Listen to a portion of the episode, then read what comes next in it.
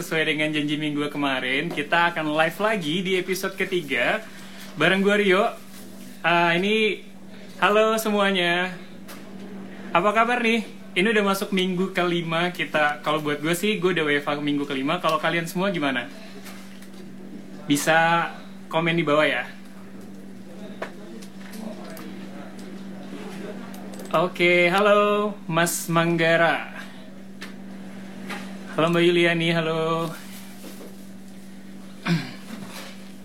Buat semua live friends, uh, sebelum nanti kita mulai nih live-nya, uh, nggak ada salahnya buat kita sharing ke teman-teman, kerabat, semuanya. Kalau misalnya di BNI Live itu setiap hari Rabu selalu kasih informasi yang sangat informatif, terpercaya, karena kita berasal dari narasumber-narasumber yang pastinya sangat terpercaya juga. Jadi ini kita akan ngadain Q&A bareng-bareng followers Benny Live ID. Terus juga ah, nih ini udah hari tadi gue bilang ini udah minggu kelima uh, WFA. Gimana kabarnya semuanya? Dan bentar lagi kan ini udah mau masuk bulan puasa nih. Persiapannya kalian gimana?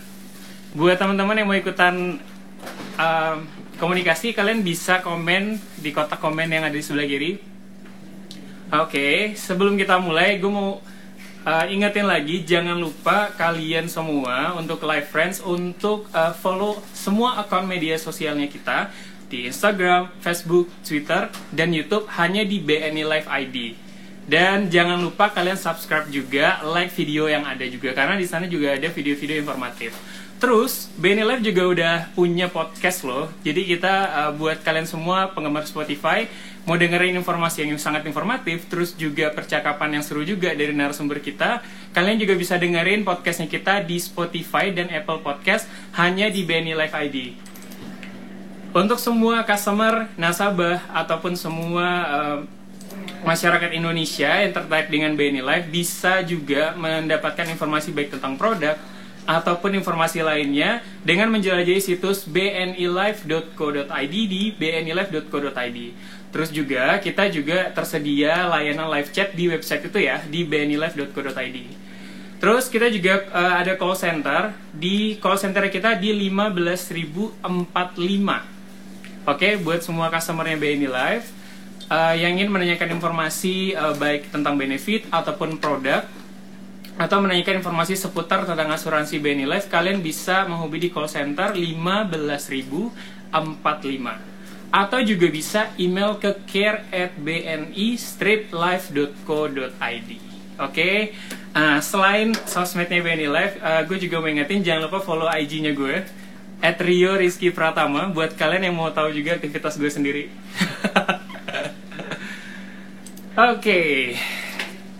ini sebelum uh, kita mulai, jadi gue mau kasih tahu bahwa tema hari ini tuh adalah karena gue udah pakai peci, jadi bentar lagi kan udah tiga hari lagi kita akan menyambut yang namanya bulan suci Ramadan. Jadi tema hari ini kita akan membahas tentang persiapan memasuki bulan Ramadan. Uh, buat seluruh uh, live friends yang ada, jangan lupa untuk selalu uh, memberikan memberikan pertanyaan lewat question box yang ada di sebelah di sebelah kanan kotak komen yang ada tanda tanyanya biar semua live friend juga bisa ngeliat pertanyaan dari uh, live friend semua. Oke. Okay. Oke, okay, untuk hari ini karena kita uh, spesial ya, karena memang kemarin itu banyak banget dari friends yang nanyain soal uh, produk ataupun asuransi dari BNI Life, kita akan bagi uh, episode kali ini menjadi dua sesi. Yang pertama kita akan kedatangan dari GM-nya untuk produk produk um, produk-produk syariah di BNI Life itu sesi pertama dan nanti kita akan bahas sedikit tentang asuransi syariah yang ada di BNI Life dan setelah itu nanti kita juga akan ada sesi selanjutnya kita akan kedatangan narasumber yang pastinya kalian juga kenal ya uh, Ustadz Taufikur Rahman. Oke, kita udah tersambung dengan Pak Agung. Halo Pak Agung. Halo, Assalamualaikum Mas Rio. Waalaikumsalam Pak. Gimana nih Pak? Sehat Pak Agung? Alhamdulillah Mas Rio. Ini Bapak Semoga Mas Rio juga ya. Nih, Pak? Oke, Pak. Ini kita udah pakai peci ya, Pak. Ini udah suasana Ramadan banget ya, Pak ya? Iya, menyambut Ramadan nih, Mas Rio. Betul, Pak. Oke Pak Pagung, uh, jadi ini kan kita lagi uh, lagi ini apa ya, lagi IG live dengan live friends yang ada. Ini sebelumnya kalau kata ada pepatah kan bilang tak kenal maka tak sayang. Uh, jadi Pak Agung nih uh, mau dimohon untuk bisa memperkenalkan diri, uh, baik itu Bapak uh, dari divisi mana, jabatannya apa uh, di BNI Live Pak. Boleh Pak, silakan. Oke, Assalamualaikum warahmatullahi wabarakatuh, teman-teman semua, rekan-rekan semua. Perkenalkan, nama saya Agung Jatmika. Uh, saat ini saya menjabat sebagai uh, appointed actuary di Benny Life juga merangkap juga sebagai uh, GM Syariah di di Syariah. Oh, Oke okay, Pak, ini kalau appointed actuary ini berarti ini insinyurnya asuransi ya Pak ya? ya seperti itulah. Ah seperti itu ya Pak ya. Jadi ini pakarnya ya, ya, asuransi ya. ya Pak. Dan kebetulan Bapak uh, Pak Agung ini adalah GM dari uh, divisi syariahnya Benny Life ya Pak. Iya, ya. Oke, okay, Pak. Jadi uh, ini memang kita udah ada beberapa pertanyaan Pak yang, yang ingin kita tanya nih ke Bapak nih tentang asuransi syariah nih Pak. Uh, langsung aja ya Pak ya, kita mulai pertanyaan. Ya, silakan. Mas Iya Pak. Ini ada, uh, saya mau tanya Pak, sebenarnya itu bagaimana sih Pak konsep asuransi syariah di BNI Life itu sendiri? Oke Mas Rio. Jadi memang asuransi syariah yang kita terapkan di BNI Life itu adalah mengacu kepada fatwa MUI nomor 21 tahun 2001 Mas Rio, yaitu tentang asuransi syariah. Di samping itu juga kita mengacu kepada regulasi peraturan OJK yang ada, Mas Rio, di mana konsep asuransi syariah itu adalah konsep tolong-menolong antar sesama pemegang polis atau sesama nasabah gitu. Di mana masing-masing nasabah itu nanti e, saling menghibahkan dananya atau preminya untuk membantu Eh, eh, nasabah-nasabah yang tertimpa musibah, Mas Rio. Seperti itu konsep Oke, uh. Jadi berarti konsep uh, asuransi syariah itu adalah konsep tolong menolong ya, Pak? Betul, Betul. Mas Rio. Selain itu juga di kalau di syariah itu konsepnya benar nggak sih, Pak? Kalau kita tuh uh, serah terimanya atau akadnya itu jelas, Pak? Iya, betul. Jadi di syariah itu uh, konsepnya harus transparan. Ya, produknya di sana juga masalah biayanya, masalah uh, ketentuan lainnya itu harus transparan, akadnya juga harus jelas sehingga uh, nasabah saat membeli itu sudah tahu semua terkait dengan produknya. Itu Mas Rio. Oke Pak, jadi uh, bedanya dengan konvensional itu ya Pak ya, memang yeah. dari akad atau serah terimanya dan juga konsep itu adalah saling tolong menolong gitu ya Pak. Betul. Jadi buat sobat lab semua uh, yang yang suka dengan konsep syariah, kita juga punya produk-produk syariah yang juga ini apa yang juga keren ya Pak ya dengan benefit-benefit yang sangat mumpuni untuk mengcover semua nasabah BNI Live.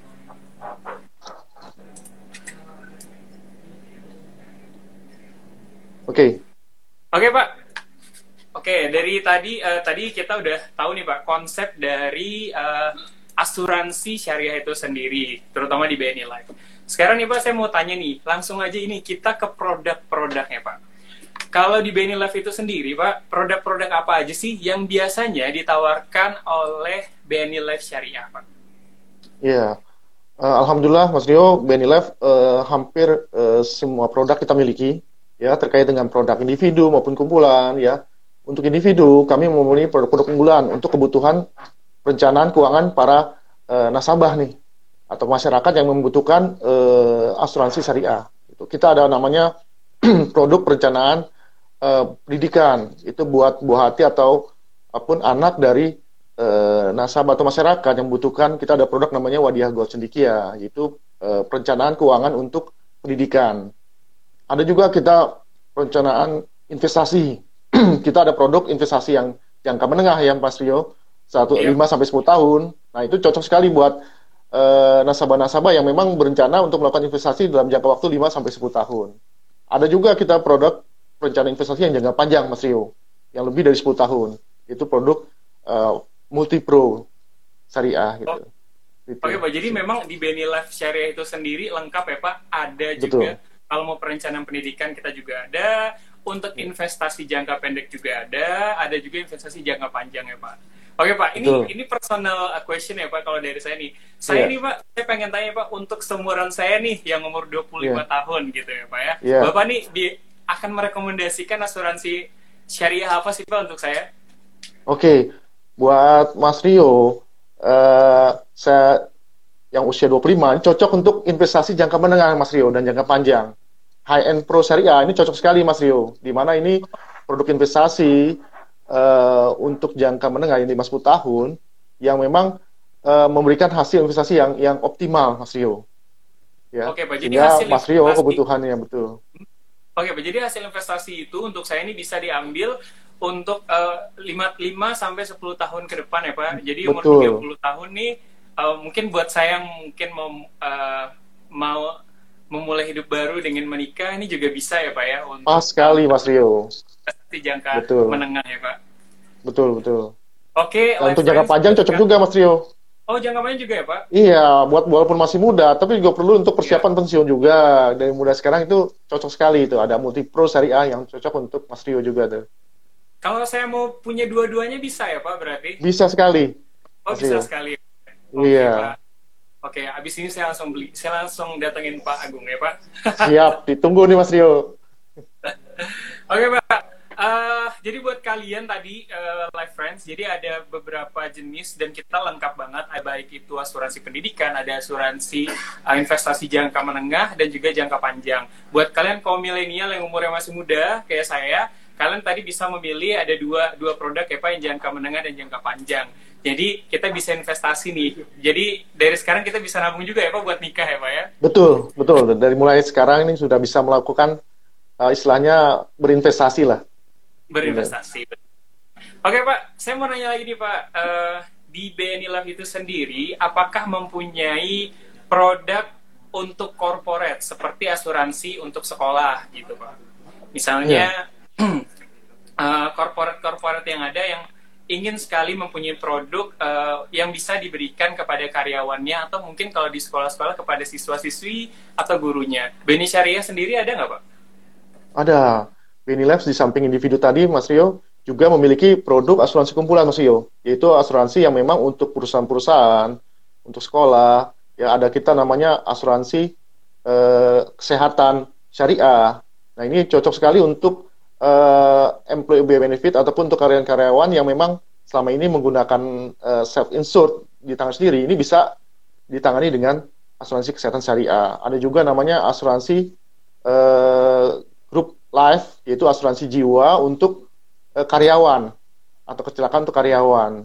Di samping itu Mas Rio kita juga ada asuransi khusus untuk sekolah Mas Rio namanya Mitra Cendikia. Jadi ini asuransi ini khusus memproteksi murid-murid ataupun mahasiswa ataupun uh, apa uh, siswa-siswa ataupun guru itu kita bisa proteksi dengan premi yang uh, terjangkau itu sekolahan itu terproteksi Mas Rio. Oke Pak, jadi memang ternyata kelebihan dari produk-produknya BNI Life Syariah itu udah lengkap, terus juga preminya juga terjangkau ya Pak ya. Betul itu, Mas Rio. Tadi buat kalian yang masih sekolah nih bisa direkomendasikan juga nih ya Pak untuk sekolah-sekolahnya untuk uh, bisa mempunyai yang namanya asuransi uh, produk mitra cendikia BNI Syariah. Terus juga tadi ada beberapa, ada beberapa, ada tiga jenis. Tadi ada baik itu asuransi kesehatan ya Pak untuk corporate, ada juga uh, personal accident ataupun yeah. uh, accident yang yang bentuknya itu adalah accident uh, accidental, terus juga khusus juga untuk sekolah-sekolah yang ada ya Pak. Betul, Mas Rio. Oke Pak.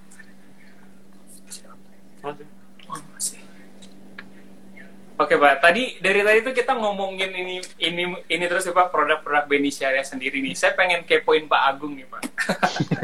oh udah berapa lama nih Pak? Uh, ini Bapak WFA atau WFO Pak? Udah selang-seling shifting atau uh, memang dua minggu udah WFA terus dua minggu lagi masuk WFO Pak?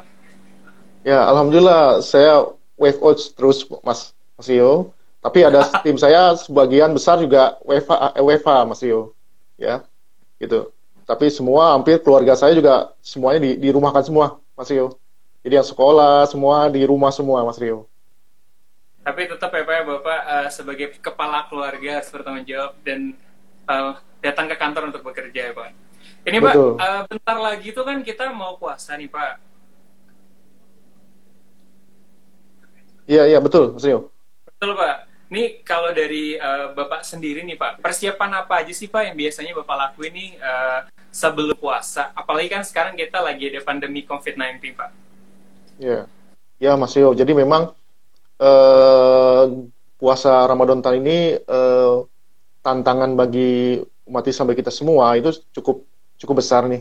Maka itu saya secara pribadi dan keluarga itu juga perlu mempersiapkan nih puasa Ramadan uh, tahun ini ini agak berbeda dengan Ramadan Ramadan sebelumnya, Mas. Ya. Ada beberapa persiapan yang yang yang kami lakukan, Mas Rio. Pertama, persiapan fisik jelas ya. Bagaimana kita mulai menjaga kesehatan kita, makanan kita, olahraga teratur, ya itu untuk menjaga jangan sampai pas masuk Ramadan kita uh, sakit gitu sehingga perlu kita jaga kesehatan fisiknya kedua juga kita juga perlu menjaga uh, persiapan hati dan pikiran Mas Yo kenapa penting kenapa ya jangan sampai kita masuk Ramadan itu uh, hati-hati hati kita masih ada uh, prasangka jelek pola pikir jelek negatif thinking ataupun ria iri dengki itu harus kita hapuskan sehingga kita benar-benar masuk bulan suci Ramadan itu benar-benar dengan hati yang bersih. Itu. Ada lagi persiapan lagi adalah biasanya kita lakukan adalah karena sekarang ini momen spesial di mana masjid-masjid juga tutup, maka saya sudah mulai itu rumah-rumah di persiapan khusus buat tempat ibadah, Mas Rio. Jadi ini agak spesial dibandingkan puasa sebelumnya. Saya sudah mulai mempersiapkan uh, rumah uh, tempat saya tinggal itu sudah mulai dipersiapkan untuk tempat khusus untuk ibadah. Itu yang memang khusus yang kita lakukan di, di spesial di, di persiapan puasa saat ini, Mas Rio. Oh iya Pak, jadi kalau Pak Agung sendiri ya ini buat live friend yeah. semua uh, ada persiapan fisik ya tadi ya Pak. Selain yeah, iya. persiapan yeah. fisik juga menjaga kesehatan, kita juga ada persiapan hati. Jangan Betul. sampai kita uh, ada masih ada hal-hal negatif ya Pak, iri, dengki gitu, ada atau misal belum memaafkan sesama ya Pak. Terus juga Betul. yang paling penting ternyata nih live friends Pak Agung itu juga menyiapkan tempat ibadah ya Pak. Jadi ada space ibadah sendiri di rumahnya gitu ya Pak.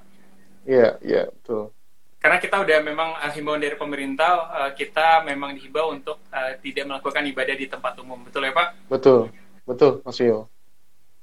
Uh, Pak Agung, ini ada yeah. satu pertanyaan dari Live Friends Pak, dari yeah. Yuliani Uzan. Uh, beliau tanya, Bapak, BNI Live Syariah ada di Papua nggak ya? Iya, Benilip Syariah saat ini uh, sudah memiliki hampir uh, 60 outlet, Pak. Tapi memang kita di di Papua itu belum belum sampai buka belum sempat buka sana.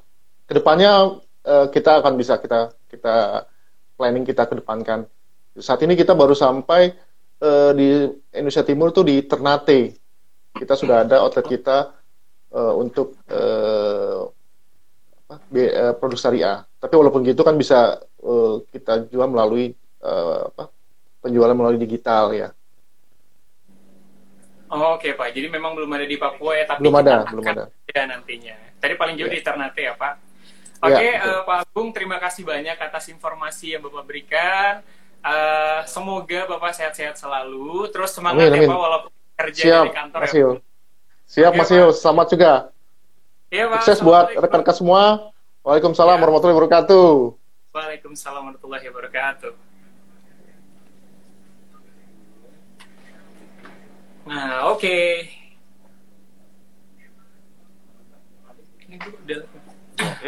Oke, oke. Oke, live friend semua. Tadi kita udah dapat uh, sedikit informasi tentang asuransi syariah di BNI Live gitu. Jadi memang episode kali ini khusus karena memang kemarin live friend semua menanyakan tentang produk-produk asuransi yang ada di BNI Life dan salah satunya adalah uh, produk BNI Life Syariah. Jadi tadi langsung uh, kita dapat informasi dari Pak Agung Jatmika ya. Tapi buat kalian yang mau mau tahu informasi lebih lanjut, tadi jangan lupa uh, lihat kita dan kunjungi kita di websitenya BNI Life di bnilife.co.id. Oke, langsung aja kita masuk ke sesi kedua ini dengan tema persiapan memasuki bulan Ramadan. Oke, uh, gue ingetin lagi untuk pertanyaan bisa menggunakan question box yang ada di sebelah kanan kotak komen gitu. Dan kali ini narasumbernya kita itu adalah narasumber spesial yaitu Ustadz Taufikur Rahman SQ. Nah, beliau adalah Ustadz yang mungkin kita sering lihat di televisi Oke, okay. beliau adalah Ustadz Pantun yang sering kita lihat di televisi. Uh, salah satunya itu di Metro TV. Lalu juga uh, kita sering melihat dia di setiap selesai azan maghrib di, Met di Metro TV, di TV One, Trans TV, Kompas, TVRI. Beliau juga merupakan juri aksi Indosiar selama bulan puasa. Assalamualaikum Ustadz. Waalaikumsalam warahmatullahi wabarakatuh. Oke. Ini kan tak kenal maka tak sayang ya kan Ustadz ya. Saya kan uh, sering lihat nih Ustadz nih, kalau misalnya Ustadz itu sering kasih pantun ya kan. Sebelum kita mulai nih, boleh dulu lah dikasih pantun dulu nih untuk live friends yang ada di rumah. Makom Ibrahim terasa nyaman bersama nyonya membaca ayat. Salam silaturahim dari Taufikur Rahman. Semoga semuanya pada sehat. Waduh, keren banget. Naik sedan pada hari Sabtu, ngemil mochi dari Purwakarta. Ramadan sudah diambang pintu, jangan ada dengki dan benci di antara kita. Kita, waduh, jangan ada iri dengki ya. Oke Ustaz, uh, Ustaz Taufikur Rahman, apa kabar Ustaz? Alhamdulillah dari Cisaat langsung ke Bengkulu, semoga Waduh. semuanya pada sehat selalu. Sehat-sehat Ustaz. Ini sudah berapa, berapa? tuh pantunnya tuh? Aduh, saya di Pokoknya ikan ikan bawal saya ikan bawal share terong, situ jual kita borong. Oke. Aduh, Ustaz. Seru banget ya. Uh, live friends, uh, kita kedatangan Ustaz Taufikur Rahman di sini. Ustaz gimana sehat, Ustaz? Alhamdulillah seperti yang dilihat, Alhamdulillah insya Allah untuk jalankan aktivitas walaupun stay out, uh, at home tetap semuanya harus berjalan. Betul ya Ustaz ya. Ini Ustaz live ya. dari mana? Ini dari ruang belajar saya. Oh, Makanya ya. di belakang ada sedikit kitab-kitab yang memang ya tentunya kan bahasanya uh, membacakan jendela dunia gitu. Jadi makanya pantas kalau di bulan Ramadan di surat Al-Baqarah di mana Allah taala berfirman syahrul Ramadan alladzi unzila fihil Quran. Di bulan Ramadan di mana Allah telah menurunkan Al-Qur'an. Nah, perintah yang pertama apa itu? Ikra, ikra, ikra sampai tiga kali gitu. Baca, baca dan baca ya, Ustaz ya. Uh, uh. Apalagi kan kita juga banyak waktu luang ya, selama kita uh, uh, wabah COVID-19 ini ya Uh, Alhamdulillah udah hampir berarti sebulan lebih ya. Ya yeah. karena kan 14 Maret yang lalu. Nah, saya di rumah udah hampir dapat 500 lebih pantau, pantun tausiah. Ya. Iya. ya. Insya Allah kalau sudah jadi udah udah seribu lebih akan jadi buku lagi nanti buku yang ketiga. Buku khusus uh, ini pantun Ustadz Taufik. Rahman. Jadi saya namakan pantau, pantun tausiah. Ya. Oke, itu launchingnya kapan nih? Semoga aja, mudah-mudahan habis Lebaran ini udah bisa selesai. Insya Allah biar segera launching. Ya. Oke, alhamdulillah ya. Ya, uh, sebelumnya saya mengucapkan terima kasih Tat, uh, atas waktunya, sudah meluangkan waktunya bisa uh, live Instagram bareng kita di BNI Live. Uh, bentar lagi kan ini tiga hari lagi ya, ya tiga hari lagi kalau memang misalnya insya Allah bulan puasa akan jatuh di bulan di tanggal 24 itu kan gak kerasa kita sebentar lagi akan memasuki bulan suci Ramadan ya Tat dan memang Betul. ini agak beda nih gitu kan bulan puasanya karena memang sekarang kita lagi uh, adanya wabah COVID-19 ya Tat Betul Betul ya Tat uh, jadi uh. Eh, saya mau menanyakan beberapa hal kita yang bisa di-sharing nanti informasinya kepada reference yang ada yang lagi nonton di rumah. Ya, silahkan. Boleh, boleh kan ya? Oke, okay, uh, saya ingetin lagi buat semua reference yang ada di rumah bisa kalau ada sesuatu yang mau ditanyakan tentang persiapan kita sebelum memasuki bulan puasa, kalian bisa tanya di kotak question yang ada di sebelah kanan komen jangan lupa di put di sana pertanyaannya biar referensi yang lain bisa uh, tahu juga pertanyaannya apa.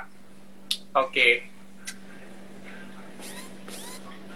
Nah, Oke okay, Nita, uh, balik lagi kita yes. sama Nita. Saya mau tanya Nita, sekarang kan kita memang uh, sedang dalam wabahnya COVID-19 atau corona nih Nita. Dan kita tuh diminta untuk melakukan aktivitas ibadah itu di rumah ya Tat Ya. Uh, nah, ini bagaimana sih Tat sebenarnya atau kiat-kiatnya untuk kita nih sebagai umat muslim tetap menjalankan ibadah uh, selama bulan Ramadan ini uh, saat wabah COVID-19 ini, Tat? Ya, baik, Akhi yang sudah bertanya, uh, ingat apa pun kondisi, baik ada wabah maupun tidak ada wabah, keutamaan yang ada di bulan suci Ramadan tidak pernah berkurang sama sekali. Nah, oleh karenanya persiapannya kalau kita lihat para alimil ulama salafus solihin makanya dengan begitu indah kasidahnya menyebutkan bulan Rajab bulannya Allah, Sya'ban bulannya Rasulullah, Ramadan bulan umatnya Rasulullah. Jadi prepare mereka tuh dari bulan Rajab, Sya'ban supaya di Ramadan sudah terbiasa. Nah, uh, tetap walaupun kondisi kita untuk mengikuti arahan dari pemerintah juga secara medis demi memutus mata rantai penularan COVID-19 ya untuk ibadah di rumah dan bersama keluarga tercinta tidak akan mengurangi fadilah-fadilah yang ada di bulan suci Ramadan. Baik tarawihnya, baik qiyamul lailnya, maupun tadarus Qur'annya, termasuk berbaginya dan juga banyak lagi ibadah-ibadah yang lain yang sangat dianjurkan oleh baginda Rasulullah yang harus betul-betul kita maksimalkan bahkan optimalkan di bulan suci Ramadan ini. Jadi apa pun keadaannya ya Tata ya, kita masih tetap bisa melakukan ibadah di mana pun, baik itu uh, di masjid ataupun di rumah ya Tata ya. Ya, di saat kondisi memang tidak ada wabah ya atau penyakit yang di sini bukan baru satu yang sudah korban meninggal dunia, bahkan yang sudah positif pun sudah di angka 7000 lebih ya. Nah, makanya uh, apa namanya keutamaan untuk umat Rasulullah disebutkan uh, u'atitu khamsan lam yu'tahunna ahadun minal anbiya'i qabli kata Rasulullah Aku diberikan keistimewaan di antara nabi-nabi sebelumku ada lima. Di antaranya dari lima itu wajuilat liyal ardu masjidan wa tuhuran. Allah menjadikan untukku dan umatku muka bumi ini, muka bumi ini adalah tempat sujud. Nah, ketika kondisi memang tidak ada wabah, sangat amat dianjurkan untuk kita berjamaah di masjid-masjid atau surau-surau. Tapi di saat dalam kondisi yang di mana untuk memutus mata rantai ya penularan COVID-19 adalah dengan tidak ya berkumpul di kerampak apa orang ramai, nah maka di rumah pun itu sudah menjadi tempat ibadah kita. Oke, jadi memang uh, apa yang sudah dianjurkan oleh pemerintah untuk melakukan ibadah di rumah itu pun juga memang dianjurkan oleh Rasulullah ya, Tat ya bukan hanya oleh apa bukan hanya untuk pri, apa fadilah Ramadan. Jadi ya, Mas uh, akhi-akhi yang yang nanya ya, gitu. Kalau kita lihat histori sejarah gitu ya, di mana di tahun 1819 Hijriah terjadi wabah Amwas namanya, Amwas. Nah, ini dialami uh, di saat Khalifah Sayyidina Umar bin Khattab memimpin rombongan berangkat dari kota Madinah menuju Damaskus. Nah, sampailah di suatu wilayah yang bernama Saral, satu daerah. Beliau disambut oleh gubernur Damaskus yang bernama Abu Ubaidah bin Zarrah. Dan di situ dikabarkan bahwasanya di Damaskus sedang ada wabah penyakit yang mematikan. Sedang ada taun, wabah penyakit yang mematikan. Alhasil di sini Sayyidina Umar bin Khattab timbul dua pemikiran, lanjut masuk ke Damaskus atau kembali ke Madinah. Alhasil, Sayyidina Umar bin Khattab tidak mengabrani mengambil keputusan sendiri, beliau mengajak pemimpin-pemimpin dari uh, muhajirin dan ansar untuk bermusyawarah. Nah, dari hasil musyawarah ada dua ada dua keputusan. Yang satu kelompok menyarankan Buat apa kamu datang jauh-jauh dari Madinah dengan jumlah yang besar, masa pantas kembali lagi dengan tangan kosong? Maksudnya melanjutkan supaya untuk masuk ke Damaskus. Ada lagi satu kelompok yang menyebutkan, uh, wahai Amirul Mukminin, yang kamu akan tuju di wilayah Damaskus sedang ada wabah penyakit yang menular. Sementara yang kamu bawa adalah bukan jumlah yang sedikit sahabat-sahabat Rasul. Ada baiknya lebih baik kamu pulang ke Madinah. Nah, di sini Amirul Mukminin belum puas dengan musyawarah ini, dipanggil lagi dengan musyawarah yang kedua. Senior-senior dari kaum Quraisy yang telah terlebih dahulu masuk Islam. Nah, di sini keputusan terakhir bahwasanya wahai Amirul Mukminin, lebih baik kamu kembali ke Madinah untuk menyelamatkan di mana sahabat-sahabat Nabi yang belum terkena wabah penyakit mematikan itu. Nah, di saat Amirul Mukminin mengambil keputusan untuk kembali ke Madinah, ada pertanyaan dari gubernur Damaskus. Wahai Sayyidina Umar bin Khattab, apakah kamu akan uh, apa namanya melari dari takdir Allah? beliau pun seakan-akan tidak mau berdebat, lantas beliau memberikan satu analogi. Wahai Abu Ubaidah, bagaimana kalau engkau memiliki satu ekor onta yang engkau akan gembala pada satu lembah, di mana di lembah itu ada dua sudut.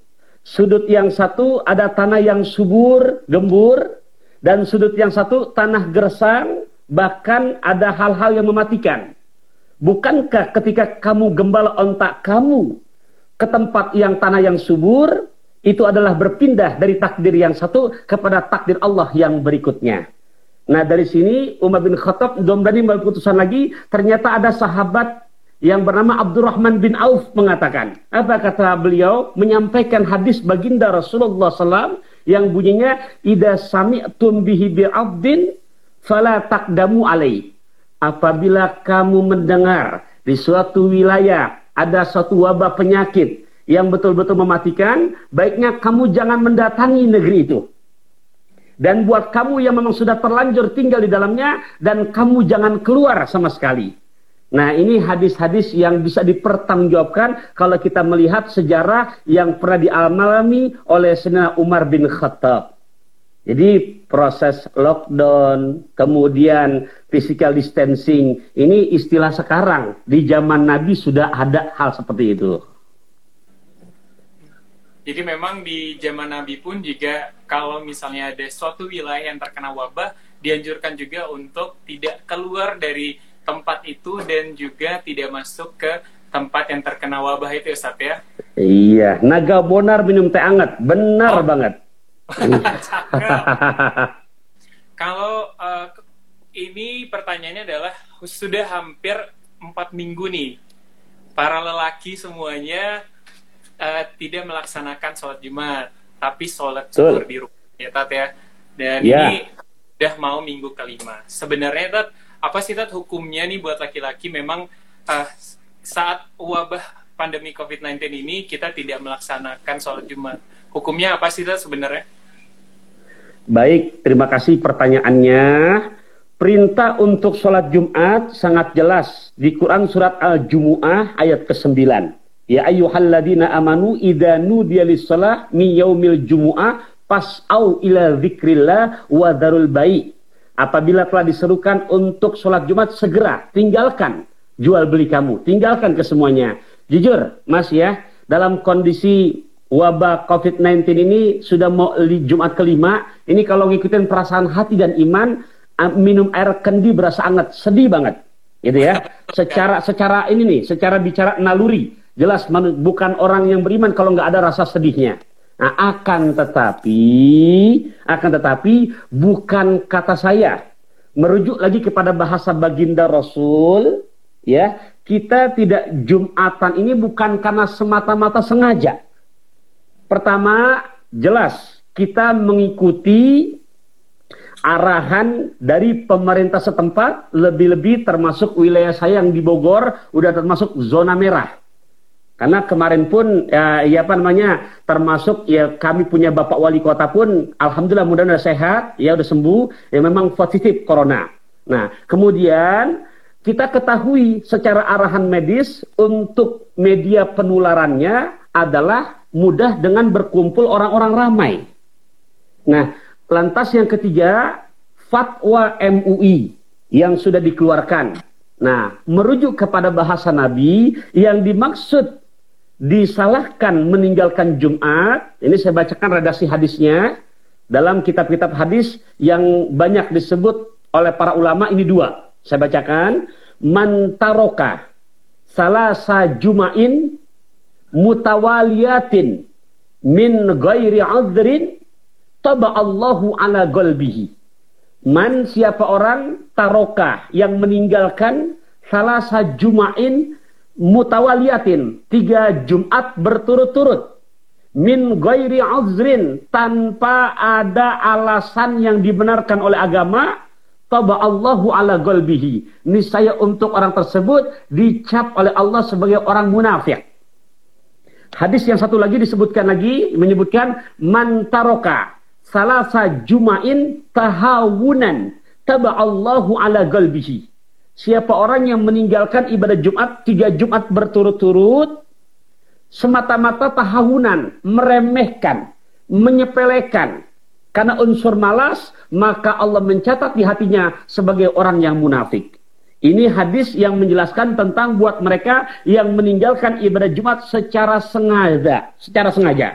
Nah, buat kita yang kondisi di negara kita sedang dilanda ya corona seperti ini, Nah, ketika kita tidak Jumatan, bukan malah berdosa. Justru yang seperti ini yang memang ya bukan pendapat saya pribadi nih yang ya. memang harus kita laksanakan demi memutus mata rantai daripada penularan COVID-19. Jelas mas? Jelas jelas mas. Ya, ya. Jadi eh, apa eh, bahasa Nabi lagi yang lain? La dororo wala diroro Jangan, ini jadi kaidah juga, jangan kamu menjadi membuat bahaya atau menimbulkan marah bahaya. Nah oleh karenanya, buat ikhwafillah, termasuk juga buat al-fakir yang menyampaikan, ketika kita patuhi arahan yang disampaikan oleh pemerintah, yang disampaikan oleh banyak para medis, ya termasuk juga yang dikeluarkan fatwa lewat MUI, itu tidak berdosa. Bahkan kalau minjam bahasa kanjeng Nabi, ketika orang melaksanakan suatu istinbat hukum dari hasil ijtihad para ulama ketika hasil itu benar di hadapan Allah mendapat pahala dua. Sekalipun itu hal yang salah tapi dari hasil fatwa kalau sekarang di negara kita berarti MUI ternyata di hadapan Allah ini salah tetap masih mendapat pahala satu. Ya, begitu mas? Nah. Ah, oke okay. ini uh, berhubungan dengan pertanyaan yang tadi ini ya.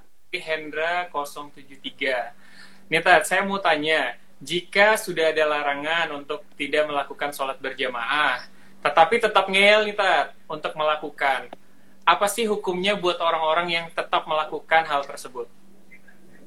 Ya, uh, ikhwatillah rahimakumullah, jelas ketika kita melanggar, ya, ini untuk bicara dosa secara agama memang tidak. Tapi ketika nanti dirasakan ada dampak yang sifatnya ya tertular, ini ya resikonya resikonya bukan bukan hanya seorang ini. Nah, iya. maka kalau misalkan memang tujuannya ah mengeyel dalam arti kata ah gua kan kenapa takut masa sama corona aja takut gitu kan nah boleh diambil gambaran Umar bin Khattab orang yang bahasa Nabi setan ngelihat bayangannya saja grogi loh. Itu Umar bin Khattab. Berarti kita bisa bayangkan tingkat ketakwaannya. Nah, beliau yang setika sudah demikian adanya masih lebih mengambil keputusan baik kalau gitu para sahabat kita kembali ke Madinah. Nah, maksudnya untuk tidak memenuhi, untuk tidak memasuki wilayah yang sudah terjangkit wabah ya uang yang sifatnya mematikan itu. Jadi kalau apa namanya melihat dari mengikuti fatwa MUI yang di mana untuk wilayah zona merah ini untuk mematuhinya hukumnya wajib ini. Gitu. Iya, karena memelihara kehidupan itu lebih diutamakan. Memelihara kehidupan itu lebih diutamakan ketimbang hilangnya daripada kemaslahatan. Betul. Jadi buat semua live friends yang ada di zona merah, uh, wabah COVID-19 ini memang sudah tadi dijelaskan oleh Ustadz Taufikur Rahman bahwa memang kita wajib mengikuti arahan dari pemerintah karena memang tadi kita menjaga yang namanya kesehatan bersama dan juga marabaya terhadap umat lainnya ya ya. Betul. Betul, Tat. Uh, Tat, ini ada pertanyaan selanjutnya nih, Tat. Kan kalau misalnya nih uh, banyak banget uh, masyarakat yang masih bekerja, terlebih banget kalau misalnya kita masih lihat di sini ada musola, uh, baik itu di kantor ataupun di contohnya di stasiun atau di terminal itu masih ada yang melaksanakan sholat berjamaah, gitu ya, Tat. Uh, terus uh, mereka menjaga jarak nih, Tat sholat berjamaahnya. Sebenarnya hukumnya itu gimana ya Tatnya? Kan biasanya kita memang dianjurkan untuk merapatkan saf. Betul. Ya, makanya bukan hanya buat makmum, dianjurkan untuk para imam di saat sebelum takbir memang melaksanakan perintah hadis Nabi, saw wa'tadilu. Fa inna taswiyatas min iqamatis shalah. Wahai para makmumku tercinta, rapatkan dan luruskanlah barisan kalian karena merapatkan dan luruskan adalah merupakan salah satu kesempurnaan sholat kita. Itu perintah. Nah, itu perintah berlaku bukan yang bersifat kot'i. Maksudnya harus nggak berubah-ubah. Nah, di dalam kondisi yang sifatnya seperti sekarang wabah corona, sementara proses penularannya sangat cepat ketika ada sentuhan dan kita tidak bisa melihat dong. Bahkan kita tidak bisa ketahui mana yang udah positif, mana yang belum. Betul. Nah, di dalam kondisi seperti ini, makanya saya sebutkan kaidah usul fikihnya darul mafasid muqaddamun ala jalbil masoleh. Yang artinya menghilangkan ya kemafsadatan adalah kerusakan lebih diutamakan ketimbang hilangnya daripada kemaslahatan. Nah, oleh karena ini sesuai juga dengan hadis Nabi, la dororo wala diroro. Jangan mendatangkan bahaya dan juga jangan menimbulkan mara bahaya. Ketika dalam kondisi seperti ini, sholat dengan cara mengatur posisi satnya tidak berdempetan, tidak bersentuhan, itu diperbolehkan. Oke, Pak. Jadi memang kalau misalnya kalau dianjurkan memang untuk sholat sendiri, tapi kalau misalnya memang mau untuk sholat berjamaah, diperbolehkan untuk mengatur jarak ya Tat ya selama Ya, ada baiknya kalau memang ada jamaahnya dengan ya. mengatur posisi jaraknya lebih baik berjamaah. Lebih baik berjamaah. Oke. Okay, ya. Oke, okay, terima kasih Tat buat uh, jawabannya. Ini uh, saya mengingatkan lagi untuk seluruh live friends yang mau bertanya uh, apa pun tentang persiapan sebelum memasuki bulan puasa bisa men meletakkan pertanyaannya di kotak question yang ada di sebelah kanan kotak komen. Jadi biar nanti bisa dilihat sama live friends yang ada juga ya Tat ya. Silahkan. Okay. Uh, eh, Tat ini ada pertanyaan lagi nih Tat. Ini pertanyaannya adalah soal ini Tat. Kalau misalnya ada keluarga kita yang meninggal dikarenakan wabah dari COVID-19 ini. Bagaimana sih Tat, uh, kita sebagai keluarga ataupun kerabat, uh, apakah ada doa-doa khusus untuk mendoakan keluarga atau kerabat kita yang wafat karena COVID-19? Ya, uh, patut kita ketahui Nabi jauh-jauh hari mengelompokkan lima kelompok yang mendapatkan pahala syahid. Ya, di mana kata baginda Rasul dalam hadisnya yang sahih asyuhada'u khamsatun. Orang-orang yang meninggal dunia dapat pahala syahid ada lima kelompok. Dan Nabi menempatkan kelompok yang pertama al-mat'un, yaitu orang-orang yang meninggal dunia dengan sebab penyakit wabah. Seperti sekarang nih, ya, corona. Kedua kata Rasulullah wal mabtun, orang yang meninggal dunia dengan sebab sakit perut. Yang ketiga bagi Rasul menyebutkan al-gharik, orang yang tenggelam di eh, sungai ataupun di lautan. Ya. Kemudian atau tsunami seperti kemarin saudara-saudara kita. Oke, yang keempat sahibul hazmi, orang yang meninggal dunia dengan sebab tertimpa barang berat. Dan yang kelima, asyahidu fi sabilillah buat mereka-mereka yang memang mengangkat senjata berperang untuk membela agama. Nah, ikhwafillah rahimakumullah, dari hadis ini tolong kita pahami. Jadi mereka-mereka yang meninggal dunia dengan sebab COVID-19 itu mulia di hadapan Allah. Mulia di hadapan Allah. Mendapat predikat pahala suhada.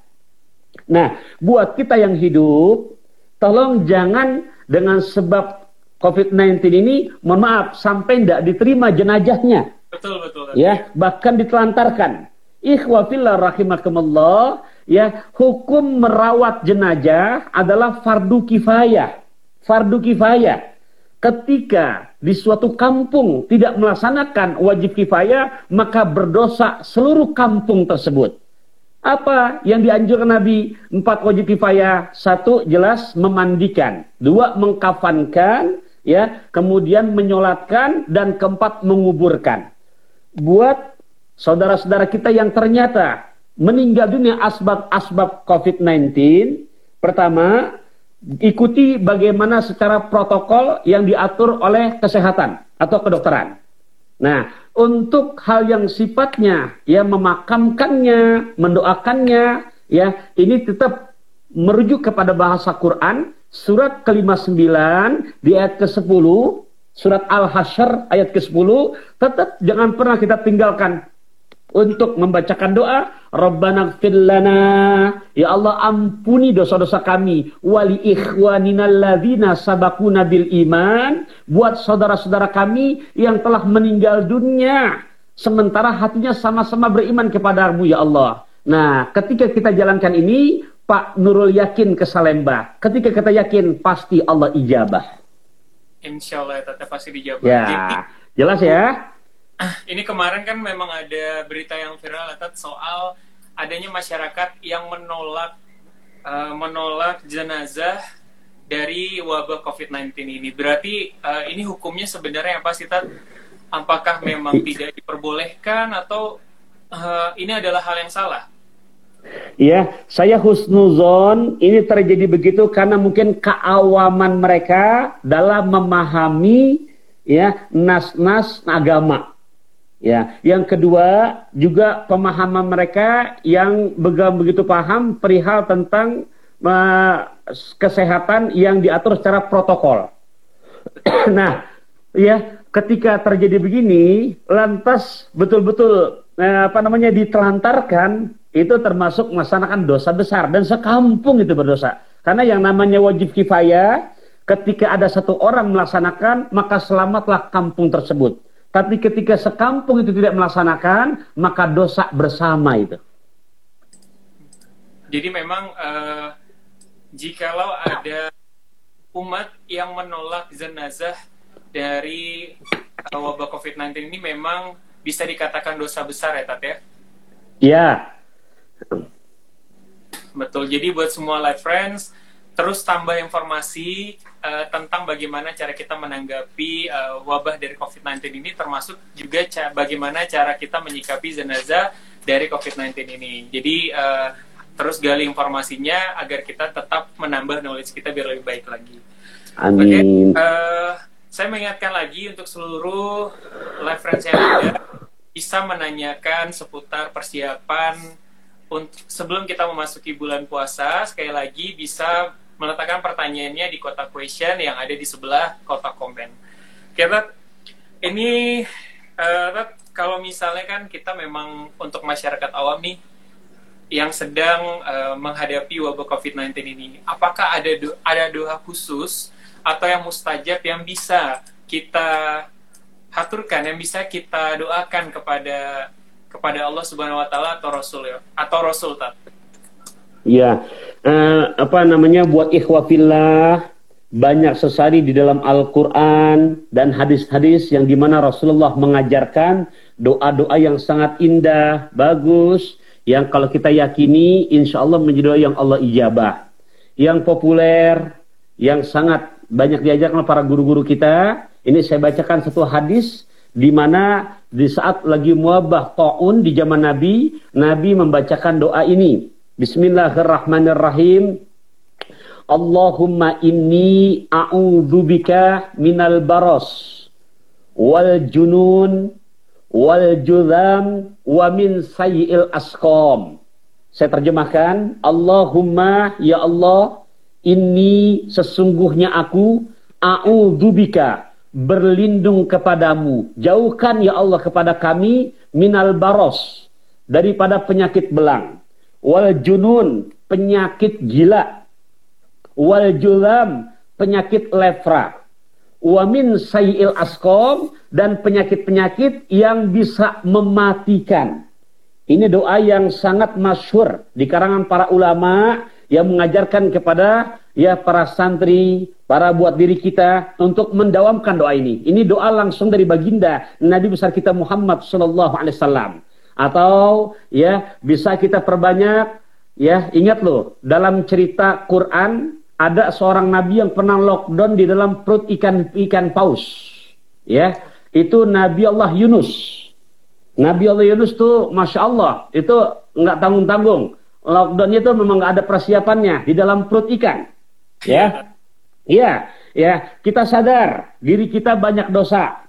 Nabi Yunus orang seorang nabi yang nggak ada bohongnya, seorang nabi yang nggak bermaksiat.